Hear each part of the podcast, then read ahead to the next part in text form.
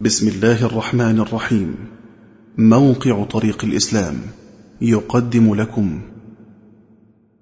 هذا البرنامج برعاية مؤسسة آل الجميح الخيرية. بسم الله الرحمن الرحيم. الحمد لله والصلاة والسلام على رسوله وآله وصحبه وبعد. فالسلام عليكم ورحمة الله وبركاته أيها الإخوة والأخوات. هذا الحج الركن العظيم من أركان الإسلام والمشهد الجليل الذي يجتمع فيه المسلمون من أقطار المعمورة. عربا وعجما شيبا وشبابا رجالا ونساء. هذا الذي رغب الله فيه وجعل فيه الأجر العظيم آه، فيه قصد البيت العتيق. وقد قال إبراهيم في دعائه واجعل أفئدة من الناس تهوي إليهم. هذا البيت العتيق الذي جعله الله مثابة للناس. يعودون ويرجعون ويعودون ويرجعون ويعودون ويرجعون ولم تنقضي همتهم ورغبتهم فيه. تشتاق النفوس إليه. ولله على الناس حج البيت من استطاع إليه سبيلا. وقال عليه الصلاة والسلام تعجلوا إلى الحج فإن أحدكم لا يدري ما يعرض له. نظرا للثواب العظيم فيه الحج يهدي ما كان قبله. ومن حج لله فلم يرفث ولم يفسق رجع كيوم ولدته أمه. صارت النفوس مشتاقة لموسم المغفرة وهذه الجاذبية كأن في هذه الكعبة مغناطيس يجذب الناس. قال الفضيل ابن عياض وقد نظر إلى نشيج الناس وبكائهم عشية عرفة أرأيتم لو أن هؤلاء صاروا إلى رجل فسألوه دانقا يعني سدس درهم أكان يردهم؟ قال من حوله لا. قال والله للمغفرة عند الله أهون من إجابة رجل لهم بدانق. الله كريم. لماذا لا يغفر لهم؟ وقد جاءوا إليه ووفدوا وسألوا وتذللوا وأطاعوا واتبعوا. قال ابن مبارك جئت إلى سفيان الثوري عشية عرفة. وهو جاف على ركبتيه وعيناه تهملان. فالتفت إلي فقلت له من أسوأ هذا الجمع حالا؟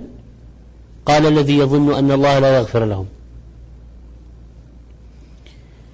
وقال أبو غالب قال لابن عباس رضي الله عنهما أدمن الاختلاف إلى هذا البيت. فإنك إن أدمنت الاختلاف إلى هذا البيت لقيت الله عز وجل وأنت خفيف الظهر. الحج والعمرة ينفيان الفقر والذنوب. قال عليه الصلاة والسلام تابعوا بين الحج والعمرة.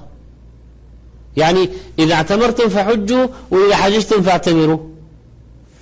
قال فإنهما ينفيان الفقر والذنوب كما ينفي الكير خبث الحديد. رواه النسائي وصححه الألباني. ينفي الكير الحداد ينفخ يشعل النار لتصفية الخام من الوسخ والشوائب. الحج من أفضل أعمال البر. سئل النبي عليه الصلاة والسلام أي العمل أفضل؟ قال إيمان بالله ورسوله. قيل ثم ماذا؟ قال الجهاد في سبيل الله. قيل ثم ماذا؟ قال حج مبرور متفق عليه. قال أبو الشعثاء نظرت في أعمال البر فإذا الصلاة تجهد البدن والصوم كذلك والصدقة تجهد المال والحج يجهدهما.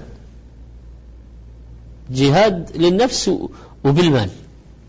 ولذلك كان جزاؤه الجنة. الحج المبرور ليس له جزاء إلا الجنة رواه البخاري ومسلم. المبرور المتقبل السالم من الإثم الذي لا رياء فيه ولا سمعة ولا رفث ولا فسوق. بل إن هناك بعض النصوص تدل على أن الحج أفضل الجهاد. عن عائشة رضي الله عنها أنها قالت يا رسول الله نرى الجهاد أفضل العمل. أفلا نجاهد؟ قال لكن أفضل الجهاد حج مبرور. متفق عليه. دعوة الحاج مستجابة كما أخبر النبي عليه الصلاة والسلام عن آه، الحاج والمعتمر وفد الله دعاهم فأجابوه سألوه فأعطاهم. الحاج في ذمة الله من يوم يخرج حتى يرجع كما قال عليه الصلاة والسلام ثلاثة في ضمان الله عز وجل رجل خرج حاجا. وعندما يقرأ العبد أخبار السلف كثرة حجهم كيف كانوا يزورون المناسك باستمرار يزداد شوقه وتعلقه واندفاعه.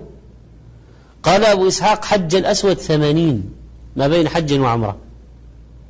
وسفيان بن عيينة قال شهدت ثمانين موقفا. ونافع قال سافرت مع ابن عمر بضعا وثلاثين حجة وعمرة. بعض, بعض السلف ستة وتسعين سنة منها ثمانين حجة.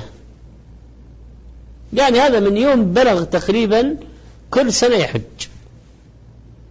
ويسأل الله أن يموت في الحج ومات في الحج. قال هشام الحسان حج أيوب السختياني أربعين حجة. قال ابن حبان في طاووس بن كيسان كان من عباد أهل اليمن ومن سادات التابعين مستجاب الدعوة حج أربعين حجة. وقال أبو الحسن علي بن عبد الحميد الغضائري محدث حلب حجزت على رجلي ذاهبا من حلب وراجعا أربعين حجة في سير أعلام النبلاء. ويروى أن سفيان كان يقول في كل موقف اللهم لا تجعله آخر العهد منك. فلما كان العام الذي مات فيه لم يقل شيئا وقال لقد استحييت من الله تعالى. كان ابن وهب قد قسم دهره أثلاثا. ثلثا في الرباط في سبيل الله وثلثا يعلم الناس بمصر وثلثا في الحج. وذكر أنه حج ستا وثلاثين حجة. ونصوص الشرع آمرة بالمبادرة للحج خوفا من باغتة الموت وسارعوا إلى مغفرة من ربكم. ويعني ينبغي على العبد أن يسارع الاستجابة لدعاء الخليل. ربنا إني أسكنت من ذريتي بواد غير ذي زرع عند بيتك المحرم. ربنا ليقيموا الصلاة فاجعل أفئدة من الناس تهوي إليهم. هذا البيت العتيق ما هو الأفئدة؟ قال ابن القيم رحمه الله لو لم يكن لهذا البيت شرف إلا إضافته إياه إلى نفسه بقوله وطهر بيتي لكفى بهذه الإضافة فضلا وشرفا. وهذه الإضافة هي التي أقبلت بقلوب العالمين إليه وسلبت نفوسه حبا له وشوقا إلى رؤيته فلا يقضون منه وطرا أبدا كلما ازدادوا له زيارة ازدادوا له حبا وإليه اشتياقا فلا الوصال يشفيهم ولا البعاد يسليهم. ولهذا لما رأى بعض الصالحين الحجاج وقد خرجوا من ديارهم إلى مكة يريدون الحج وقف يبكي ويقول وضعفاه ثم تنفس وقال هذه حسرة من انقطع عن الوصول إلى البيت فكيف تكون حسرة من انقطع عن الوصول إلى رب البيت؟ يا راحلين إلى منى بقيادي هيجتم يوم الرحيل فؤادي سرتم وسار دليلكم يا وحشتي والشوق أقلقني وصوت الحادي. حرمتم جفن المنام ببعدكم يا ساكنين المنحنى والوادي ويلوح لي ما بين زمزم والصفا عند المقام سمعت صوت منادي ويقول لي يا نائما جد السرى عرفات تجلو كل قلب صادي من نال من عرفات نظرة ساعة نال السرور ونال كل مرادي تالله ما أحلى المبيت على منى في يوم عيد أشرف الأعياد فإذا وصلتم سالمين فبلغوا مني السلام أهيل ذاك الوادي صلى عليك الله يا علم الهدى ما سار ركب أو ترنم حادي. فكيف بمن بقي له أربعين سنة في مكة ما رأى الحرم؟ وكيف بمن يستطيع المجيء وقد تيسرت له الأمور طائرات ورحلات وفنادق وتسهيلات ثم بعد ذلك لا يأتي. نسأل الله سبحانه وتعالى أن يسلمنا وإياكم من كل شر وأن يعافينا من الكذب والنفاق والرياء وأن يجعل أفئدتنا تهوي إلى بيته العتيق وأن يغفر لنا ذنوبنا أجمعين. أستودعكم الله والسلام عليكم ورحمة الله وبركاته. هذا البرنامج برعاية مؤسسة آل الجميح الخيرية. مع تحيات إخوانكم في موقع طريق الإسلام www.islamway.com والسلام عليكم ورحمة الله وبركاته.